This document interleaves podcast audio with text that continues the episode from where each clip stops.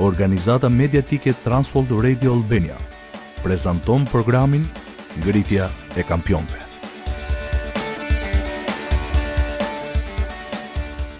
Në fillim të emisionit të sotëm kam një pyetje për ju. Në fakt është një pyetje që dua t'ia bëni vetes.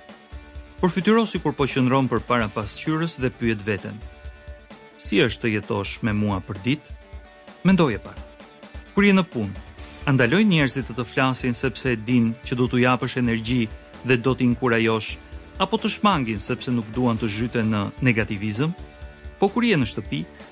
Kur kthehesh në shtëpi pas pune, a thonë gruaja dhe familja jote po vjen babi apo mendojnë mos po kthehet babi?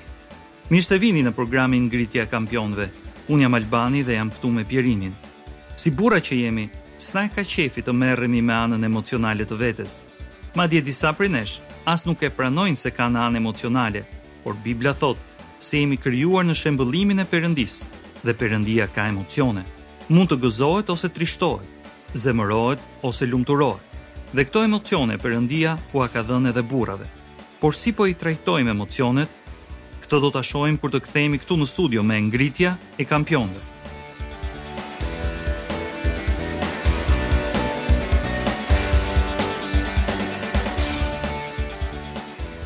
Pierin, Bibla thotë se Perëndia ka emocione, Jezusi ka emocione, madje edhe Fryma e Shenjtë ka emocione, por ne si burra s'duam ta pranojmë se kemi emocione.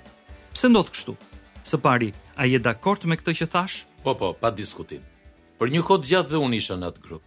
Isha rritur me mendimin se shfaqja e emocioneve është gjë e keqe. Por gjithsesi i shfaqim. Ato rrjedhin një moment. Pyetja jote si është të jetosh me mua, flet shumë për mënyrën se si po i përdorim ose keqpërdorim emocionet. Sidomos nëse këtë pyetje e shohim me sytë e gruas, fëmijëve ose bashkëpunëtorëve tanë. Kam dëgjuar një pastor që tha se jeta është 10% ajo që na ndodh dhe 90% mënyra si reagojmë ndaj saj. Më pëlqen, por unë do të shkoja një hap më tej dhe do të thosha se jeta është 10% ajo që ne mendojmë për situatat me të cilat përballemi në jetë dhe 90% ajo që mendon Perëndia për situatat me të cilat përballemi. Pra në thelb, këndvështrimi ynë kundrejt këndvështrimit të Perëndisë. Saktë. Por si ndikon kjo gjë në emocionet tona? ndikon jashtëzakonisht. Mund të më japësh një shembull?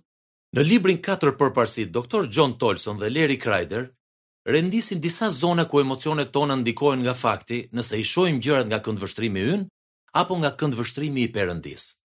Për shembull, ke njohur ndonjëherë dikë që është gjithmonë negativ, që gjithmonë ankohet? Njeriu i parë që më vjen në mendje është një djalë që njoha në kolegj. Ishte atje me bursë të plotë, s'paguante asnjë lek.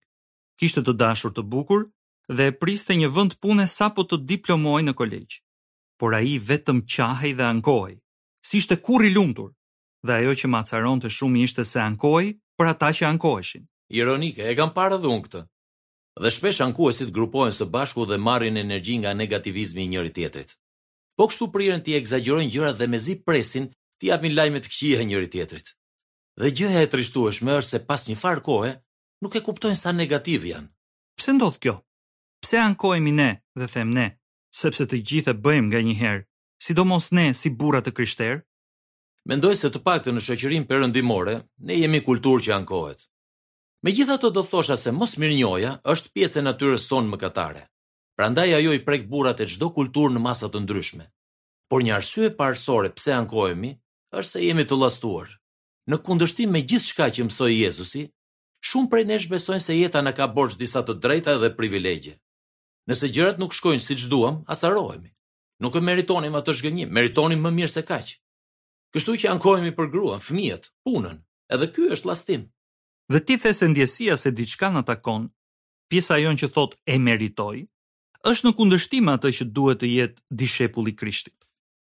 Në Filipianëve 4:11 Pali shkruan: Unë jam mësuar të kënaqem në gjendjen që jam. Llastimi është gjendja e të qenit i pakënaqur. Por një tjetër arsye pse qahen dhe ankohen njerëzit është për shkak të miqve negativë. Ankuesve u pëlqen të ankohen së bashku, apo jo? Po.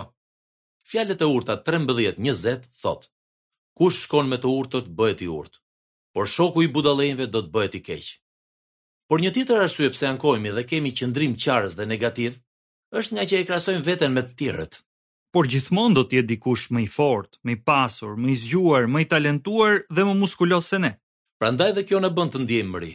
Duhet të jemi të kënaqur duke bërë maksimumin me ato që na ka krijuar Perëndia. Nëse sapo ke hapur radion, je duke dëgjuar programin Ngritja e Kampionëve. Jemi shumë të gëzuar që zgjodhe të kalosh një farë kohe me ne sot. Unë jam Albani dhe jam këtu në studio me Pierinin. Sot po shqyrtojmë emocionet që na ka dhënë Perëndia, dhe si mund t'i përdorim ose keqpërdorim ato. Pjerin, Kemi folur për problemet e ankimit dhe sa acarues mund të na duket neve. Po Perëndisë, si i duket ankimi? Njësoj si na duket neve kur bëjmë diçka të këndshme për fëmijët, por ata ankohen. Perëndia mërzitet së tepërmi. Një shembull e shohim te Numrat njëzet e një, katër deri në gjashtë. Izraelitët sapo kishin kaluar Detin e Kuq, por në anën tjetër u ankuan kundër Perëndisë. Pastaj bijtë e Izraelit u nisën nga mali i Horit dhe u drejtuan nga Deti i Kuq, për t'i ardhur qark vendit të Edomit. Dhe populli u dëshpërua për shkak të rrugës. Populli pra foli kundër Perëndisë, kundër Mojsiut, duke thënë, Pse na nxorët nga Egjipti që të vdesim në këtë shkretëtirë? Sepse këtu nuk ka as bukë as ujë, na vjen neveri për këtë ushqim të keq.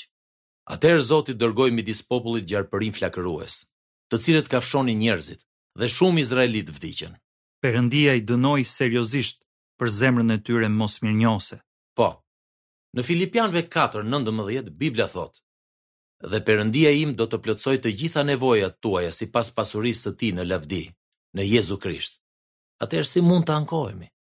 Si burra që jemi, duhet të krijojmë një atmosferë mirënjohjeje dhe falënderimi ndaj Perëndisë në familje dhe në vendin e punës. Mendoj se ankimi dhe negativizmi janë si helmi që dalëngadalë na e ngurtëson dhe vyshk zemrën. Mendim interesant. Perëndia jo vetëm që i urren ankesat dhe qarravitjet mosmirënjohëse ndaj tij. Megjithëse edhe kaq s'është pak. Por ai e di dhe efektin që kanë ato në ne. Ti sapo e përmende një. Ankimi na e ngurtëson zemrën. Po kështu ankimi bën që të na shtohet pezmatimi e mosfalja. Kjo gjë na ndikon në zemër, në mendje dhe në marrëdhënie. duke u kujdesur fort që askush të mos mbetet pa hirin e Perëndisë, dhe se mos mbijë ndonjë rrënjë e hidhur dhe t'ju turbullojë dhe me anë të saj të ndoten shumë njerëz, Hebrenjve dymbëdhjetë, pesëmbëdhjetë. Ky varg përmban shumë të vërteta. Ashtu është, të mos mbetet pa hirin e Perëndisë. Mendojeni pak, këtë duam ne që e thërrasim Jezu Krishtin Zot? Ne duam të mbushemi me hirin e Perëndisë, Por siç shihet, pezmatimi mund të na e ndalojë këtë. Sepse ky varg na paralajmëron që të mos e lejojmë të mbijë asnjë rrënjë e hidhur. Merresh ndonjëherë me kopshtari, Alban? Një herë u përpoqa të rrisja një bimë domateje, por më mirë lëre fare. Më fal që të kujtova këtë histori të dhimbshme. Ajo që doja të thoja është se unë dhe ime shoqe kemi një kopsht të madh dhe duket sikur mjafton që ta prekësh një bimë dhe ajo rrëzohet e thyhet. Por kur vjen puna për të hequr barat e këqija, Duhet që t'i shkulësh, t'i gërmosh dhe të sigurohesh që i ka hequr të gjitha. Përndryshe rriten sërish. Këtu e ka fjalën shkruajësi i Hebrenjve kur thotë se s'duhet të lejojmë të mbijë asnjë rrënjë e hidhur. Por thelbi i atij vargu është pjesa e fundit. Kur mbin, rrënja e hidhur shkakton telashe dhe ndot shumë vetë. Burra, keni pezmatim në zemër sot? Mos po ankoheni për ato që s'keni ose për njeriun që s'keni, ose për shkak se gjërat nuk kanë ndodhur siç prisnit?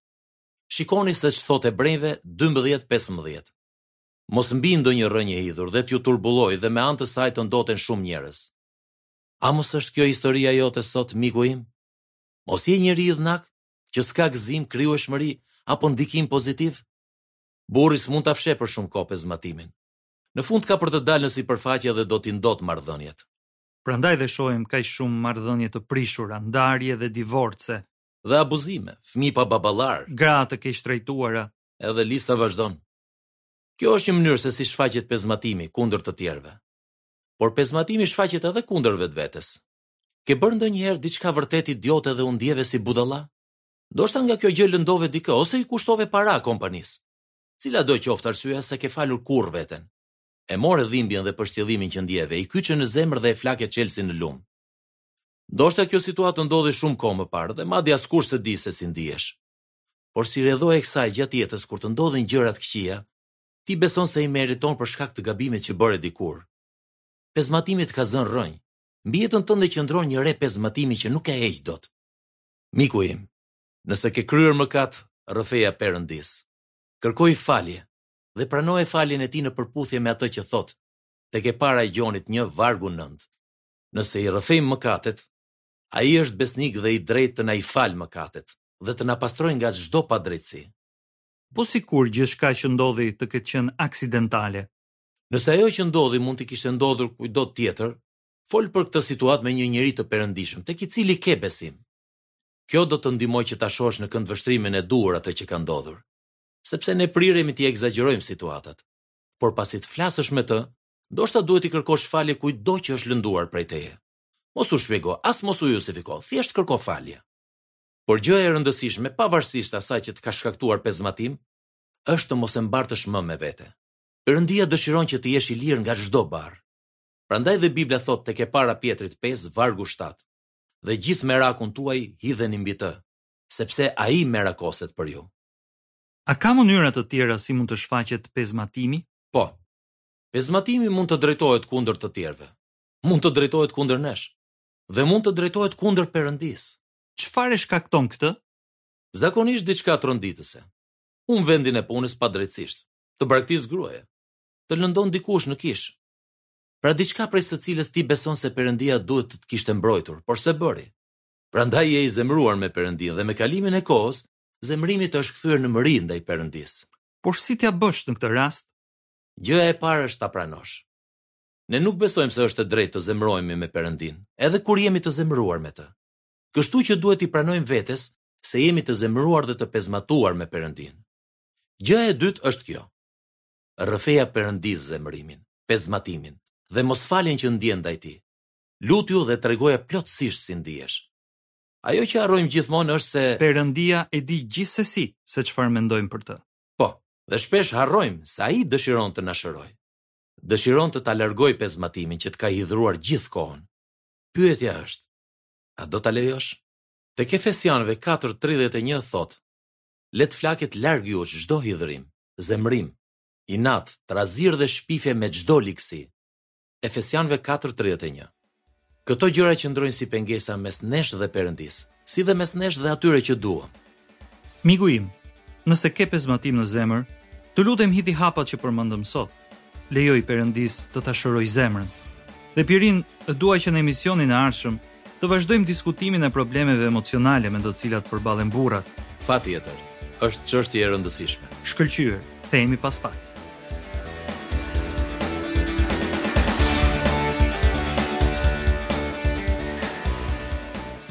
Faleminderit që na ndoqët në programin Ngritja e Kampionëve, ku burrat pajisen dhe forcohen që të përmbushin potencialin që u ka dhënë Perëndia. Sot, diskutuam për ankesat dhe pezmatimin, që janë në kundërshtim me mirënjohjen. Ky emision u bazua në kapitujt njëmbëdhjetë dhe dymbëdhjetë të librit Katër përparësitë nga Doctor John Tolson dhe Larry Kreider. Për më tepër të dhëna për këtë libër ose për këtë program na vizitoni në faqen www.championsarise.org. Na shkruaj një letër në Transworld Radio Albania kutia postare 130 Tiranë ose një email në adresën valët e ungjillit@yahoo.com. Ne jemi Albani dhe Pjerini. Faleminderit që dëgjove programin Ngritja e Kampionëve. Perëndia të shndërroftë në burrin që ai e di se mund të bëhesh.